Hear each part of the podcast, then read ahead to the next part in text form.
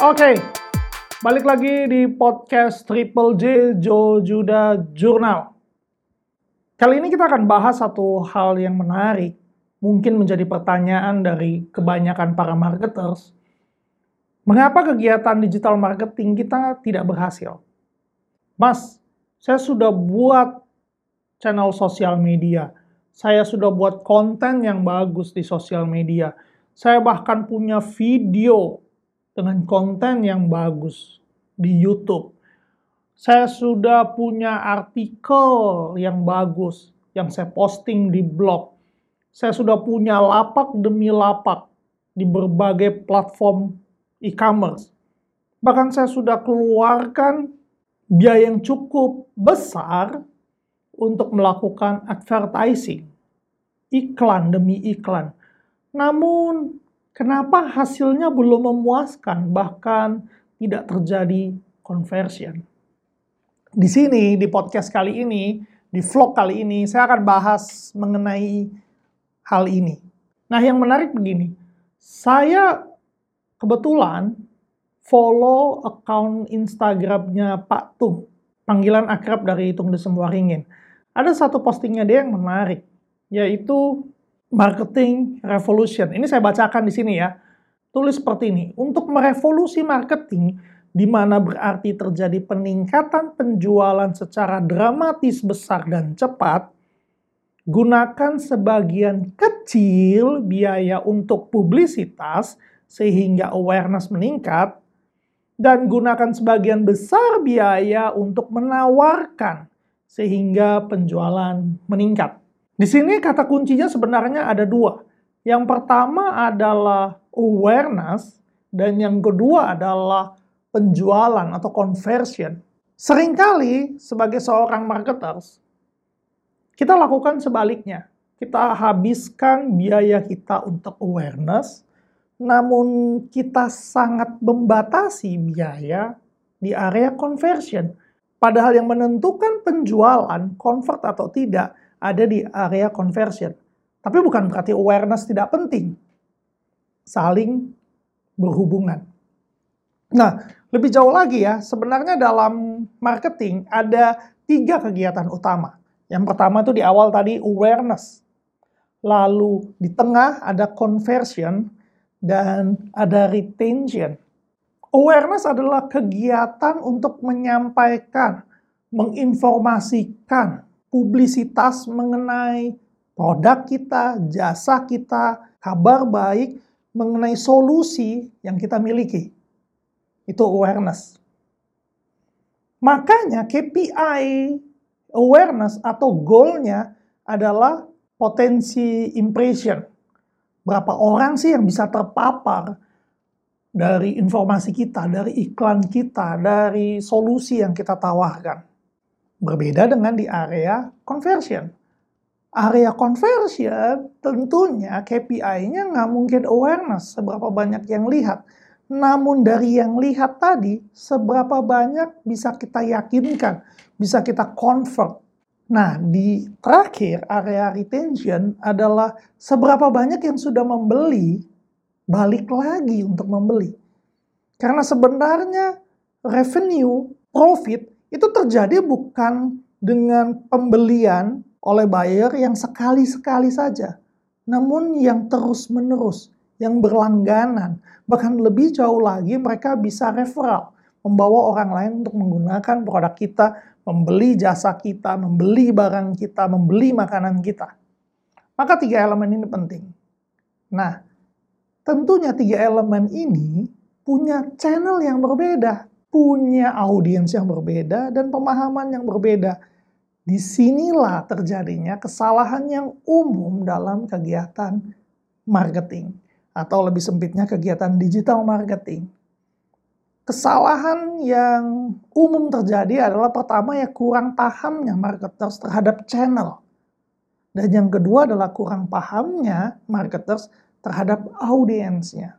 Saya akan ambil contoh analogi secara konvensional. Bayangkan Anda punya toko, Anda punya restoran deh.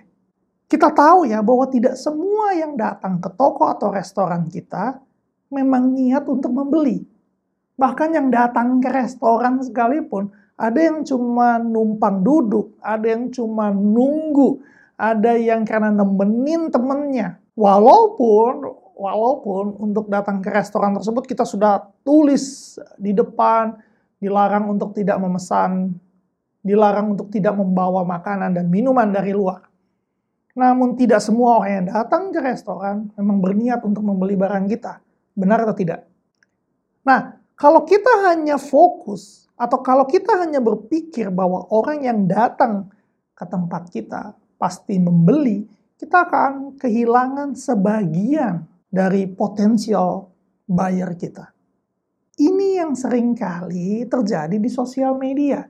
Kita berpikir bahwa account Instagram kita adalah toko kita. Dan semua orang yang berkunjung ke Instagram pasti membeli barang kita. Atau kalau kita menggunakan Instagram atau sosial media sebagai channel conversion, maka di sinilah kegagalan terjadi ketika ada orang-orang yang datang, tertarik, namun belum memutuskan untuk membeli.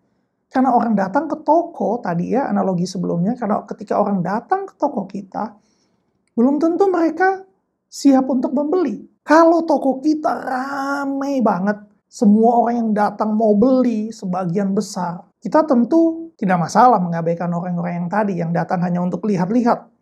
Karena resources kita terbatas, waktu kita terbatas, kita fokus pada orang-orang yang siap membeli. Ini hot audience kita. Ini calon potensial buyer kita. Namun bagaimana kalau sebagian besar yang datang hanya untuk melihat-lihat saja, yang datang masih belum siap untuk membeli? Apakah kita sebagai pemilik toko akan mengabaikannya? Tentu tidak, karena kita akan kehilangan kesempatan. Demikian hal yang sama terjadi di sosial media. Ketika kita hanya fokus pada sosial media saja, awareness orang tahu mengenai produk kita, orang tahu mengenai jasa kita, namun mereka belum siap membeli. Alangkah sayangnya ketika kita tidak mengkonvert, meyakinkan mereka untuk membeli. Nah, meyakinkan mereka untuk membeli adalah di area conversion. Saya ambil contoh ya. Ketika saya tertarik melihat sebuah barang di Instagram, dia udah sponsor, iklannya cocok banget buat saya, kontennya juga bagus. Saya klik begitu saya lihat harganya, ternyata saya belum punya budgetnya, tapi saya ingin sekali beli. Akhirnya apa? Saya bookmark, saya klik favorit, saya save barang tersebut. Sebagai penjual tentunya, apakah teman-teman tahu apa yang saya lakukan? Di sosial media sayangnya teman-teman tidak bisa men-track hal tersebut. Makanya, sebagai seorang marketers yang baik, kita harus punya strategi dari awareness tadi untuk bisa masuk ke channel conversion. Nah, kalau awareness saat ini ada banyak, ada sosial media, ada advertising. Teman-teman bisa manfaatkan itu semua. Kenapa kegiatan marketing kita sering kali tidak berhasil? Karena kita menyepelekan area conversion. Channel conversion setidaknya sampai saat ini ada tiga yang besar. Pertama adalah telepon, telemarketing, di mana kita menelpon orang-orang yang tertarik, menyapa mereka, menjelaskan mengenai produk kita kalau mereka tidak ta belum tahu, atau kalau mereka belum melihat kebutuhannya, kita edukasi mereka, kita gali, sampai akhirnya mereka siap untuk membeli. Yang kedua adalah SMS dan chat marketing. Ini juga sama, conversation-nya adalah one on one pada dasarnya ya. Walaupun dengan berkembangnya teknologi, ada SMS blast, ada chat blast, ada WhatsApp blast, broadcast istilahnya. Namun pada dasarnya itu one on one communication dan ada email marketing yang terakhir. Nah, di channel-channel ini conversion terjadi. Bukan awareness. Karena awareness dari channel ini hanya sebesar database yang teman-teman miliki. Misalnya telemarketing. Berapa banyak awarenessnya? Ya hanya data se hanya sebesar database yang dimiliki. Kalau database-nya hanya 10 ribu, ya awareness-nya hanya 10 ribu. Awareness adalah potensial yang kita bisa reach out. Makanya salah kaprah ketika channel conversion KPI-nya menggunakan channel awareness. Media value-nya berapa? Nggak ketemu. Sama halnya ketika media awareness Di challenge untuk conversionnya berapa? Tentu akan susah sekali atau bahkan jadinya kecil sekali. Karena memang channelnya berbeda. Nah ini channel yang biasanya para marketers cenderung mengabaikan atau kurang pemahaman yang baik mengenai channel tersebut. Dari tiga channel conversion ini, kita akan bahas sedikit mengenai ketiga channel conversion ini. Telemarketing adalah channel yang paling intens, one-on-one communication. Saat itu juga percakapan one by one. Telemarketing akan mencoba menggali calon customer, kebutuhan mereka, dan meyakinkan secara persuasif dan akhirnya membeli, berusaha untuk closing dalam serangkaian waktu tersebut. Ini yang paling intens, paling engage. Kelemahannya adalah pertama mahal. Kita tentu langsung terbayang berapa kos yang akan keluar dalam satu kali telepon. Yang kedua, ini hanya bisa dilakukan pada satu customer dengan satu telemarketing di saat bersamaan. Jadi kalau waktunya 10 menit ya hanya bisa engage dengan satu orang. Kalau teman-teman punya 10 telemarketing, berarti hanya bisa mengengage 10 potensial buyer dalam kurun waktu 10 menit tersebut. Jadi cost-nya mahal, waktu yang diperlukan lebih panjang, walaupun engagementnya paling tinggi. Kedua, SMS dan chat marketing. Ini memungkinkan di mana kita bisa broadcast. Kita bisa langsung mengirimkan informasi yang kita inginkan, informasi yang mengedukasi, bahkan promo yang kita inginkan calon audiens kita untuk tahu secara bersamaan, secara masif. Namun di sini problemnya. SMS marketing yang awalnya SMS adalah one-on-one communication, begitu digunakan sebagai kegiatan marketing, ini langsung berubah menjadi notifikasi. Tentu kita sebagai customer ketika mendapatkan SMS promosi itu cenderung menjadi SMS notifikasi bahwa oh kita tahu di sekeliling kita atau di dekat kita ada brand tersebut. Dan hampir, saya bisa bilang hampir ya kalau tidak semua, hampir tidak ada yang mereplay SMS ini. Untuk misalnya bertanya mengenai harga lantainya di lantai berapa, sampai kapan promosinya, nggak ada. Ini hanya untuk broadcast saja, hanya untuk notifikasi saja. Engagementnya kecil di area conversion ya, mungkin paling kecil. Karena kita sebagai marketer tidak expect SMS tersebut di replay dan kita sebagai customer pun tahu kita tidak mungkin mereplay SMS tersebut, SMS marketing. Demikian halnya juga dengan broadcast chat broadcast marketing. Kita juga tahu dengan mereplay itu biasanya tidak direspon. Atau kalaupun direspon, ada bot yang akan berbalas. Nah, engagementnya kurang, itu sebabnya kurang personalized di SMS. Berbeda dengan di telepon, sangat personal sekali, sangat intens sekali. Karena engagementnya paling tinggi. Dan kita juga sudah bisa langsung terbayang SMS marketing dan chat broadcast marketing itu berapa costnya. Start dari 250, 350 per message. Bahkan sampai 500, 600 rupiah per message. Nah, menariknya di sini. Ada channel ketiga yaitu email marketing. Email marketing ini ada di tengah-tengah. Teman-teman bisa melakukan personalize di saat bersamaan, teman-teman bisa melakukan broadcast. Orang-orang yang menerima email, jika kita dengan cerdas melakukan segmentasi, orang-orang tersebut akan menerima email dengan sangat personal. Dan merasa bahwa di treat one on one.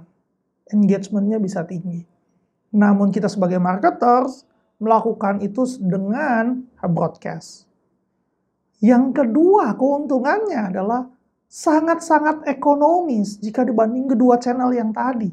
Makanya kenapa email marketing ROI-nya paling tinggi, 4000%. Artinya apa? Artinya dari semua kegiatan email marketing teman-teman, jika ada satu saja yang convert, itu bisa menutupi biaya email marketing yang tadi, yang dikirimkan per email, uh, cost per emailnya. Makanya ROI-nya paling tinggi. Jadi kalau teman-teman belum punya channel email marketing, channel conversion ini, saya sangat merekomendasikan teman-teman untuk masukkan dalam strategi teman-teman. Karena seperti tadi, ketika saya lihat barang di sosial media, kemudian saya save, kalau teman-teman tahu saya save barang tersebut, berarti kan teman-teman bisa sadar bahwa saya punya ketertarikan lebih tinggi daripada yang sekedar melihat-lihat. Teman-teman bisa engage dengan saya. Kalau telepon tadi ya, teman-teman mungkin bisa telepon saya, nanya, Mas Jo, kenapa uh, belum melakukan pembelian? Saya lihat sudah disimpan. Oh, mungkin belum sempat karena saya masih bekerja. Saya perlu pulang dulu. Mungkin dari lihat harganya saat ini tanggal tua saya belum bisa melakukan pembelian. Teman-teman bisa menawarkan alternatif kan? Oke, bagaimana kalau saya ingatkan nanti ketika gajian? Atau saya ingatkan ketika nanti berada di rumah? Oh iya, tolong ingatkan saya. Dan begitu diingatkan, saya convert. Atau bisa juga karena, oh harganya masih agak mahal ya buat saya. Oke Mas Yuda, bagaimana kalau saya kasih diskon 5%? khusus untuk Mas Yuda beli saat ini. Kalau Mas Yuda bisa beli dua, saya bisa kasih diskon 15%. Oh mungkin saya akan langsung beli. Nah, ini dalam konvensional kan kita lakukan, betul? Tawar-menawar, promo demi promo. Begitu kita lihat, ah sepertinya buyer ini cukup tertarik, cuma dia masih ragu. Kita bisa yakinkan dengan berbagai penawaran yang kita miliki itu namanya proses untuk nurturing sehingga mereka bisa convert. Nah, di mana kita bisa lakukan itu? Bisa di telepon, tapi kan telepon mahal. Apalagi produk kita misalnya tadi celana, itu tentu tidak mungkin kita telepon satu-satu semuanya ya. Dengan waktu yang terbatas, dengan cost yang terbatas. Dengan SMS, kita juga nggak bisa melakukan conversation seperti tadi. Maka email salah satu solusi yang baik, yang terbaik malah saya bisa bilang untuk problem ini. Saya ingat satu peristiwa, satu kejadian di mana saya tertarik untuk membeli uh, headset True Wireless. Saya lihat iklannya, begitu saya klik masuk ke marketplace, lalu saya kena retargeting, lihat berkali-kali, lalu saya bookmark, saya save, saya klik tombol favorit dan mereka mengetahui. Kenapa mereka mengetahui? Karena itu dari website, mereka minta data, saya submit newsletternya. Beberapa saat kemudian, dia email saya. Bunyi emailnya, mungkin karena dia lihat aktivitas saya ya, bolak-balik lihat dan save. Maka pesan emailnya adalah, khusus buat kamu Jo, kalau kamu beli sekarang, kamu akan dapat diskon 20%. Ini berlaku satu kali 24 jam. Dan ini berhasil. Urgensi yang diciptakan karena periode diskon yang terbatas membuat saya akhirnya memutuskan untuk membeli. Ini tidak bisa dilakukan hanya dengan sosial media saja. Ini tidak bisa dilakukan hanya dengan marketplace saja anda perlu channel conversion. Dan mungkin di sinilah kekurangan teman-teman sehingga digital marketing teman-teman merasa tidak convert atau tidak menghasilkan penjualan yang diharapkan. Semoga sharing ini bermanfaat. Jika ada yang mau bertanya, ada yang mau berkonsultasi, silakan tinggalkan di komen. Follow juga akun sosial M Target, Instagram, Twitter, juga follow account sosial media saya @jojuda baik itu di Instagram, di Twitter dan saya akan dengan senang hati membantu teman-teman jika ada yang bertanya atau membutuhkan konsultasi. See you guys.